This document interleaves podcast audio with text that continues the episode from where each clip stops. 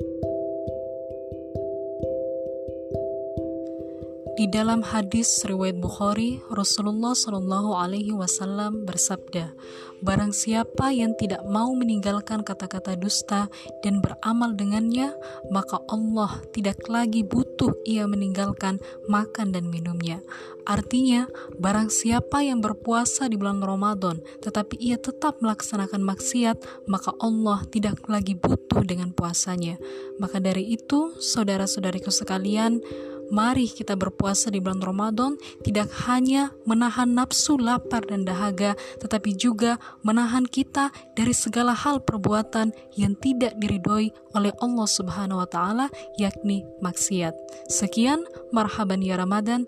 Assalamualaikum warahmatullahi wabarakatuh.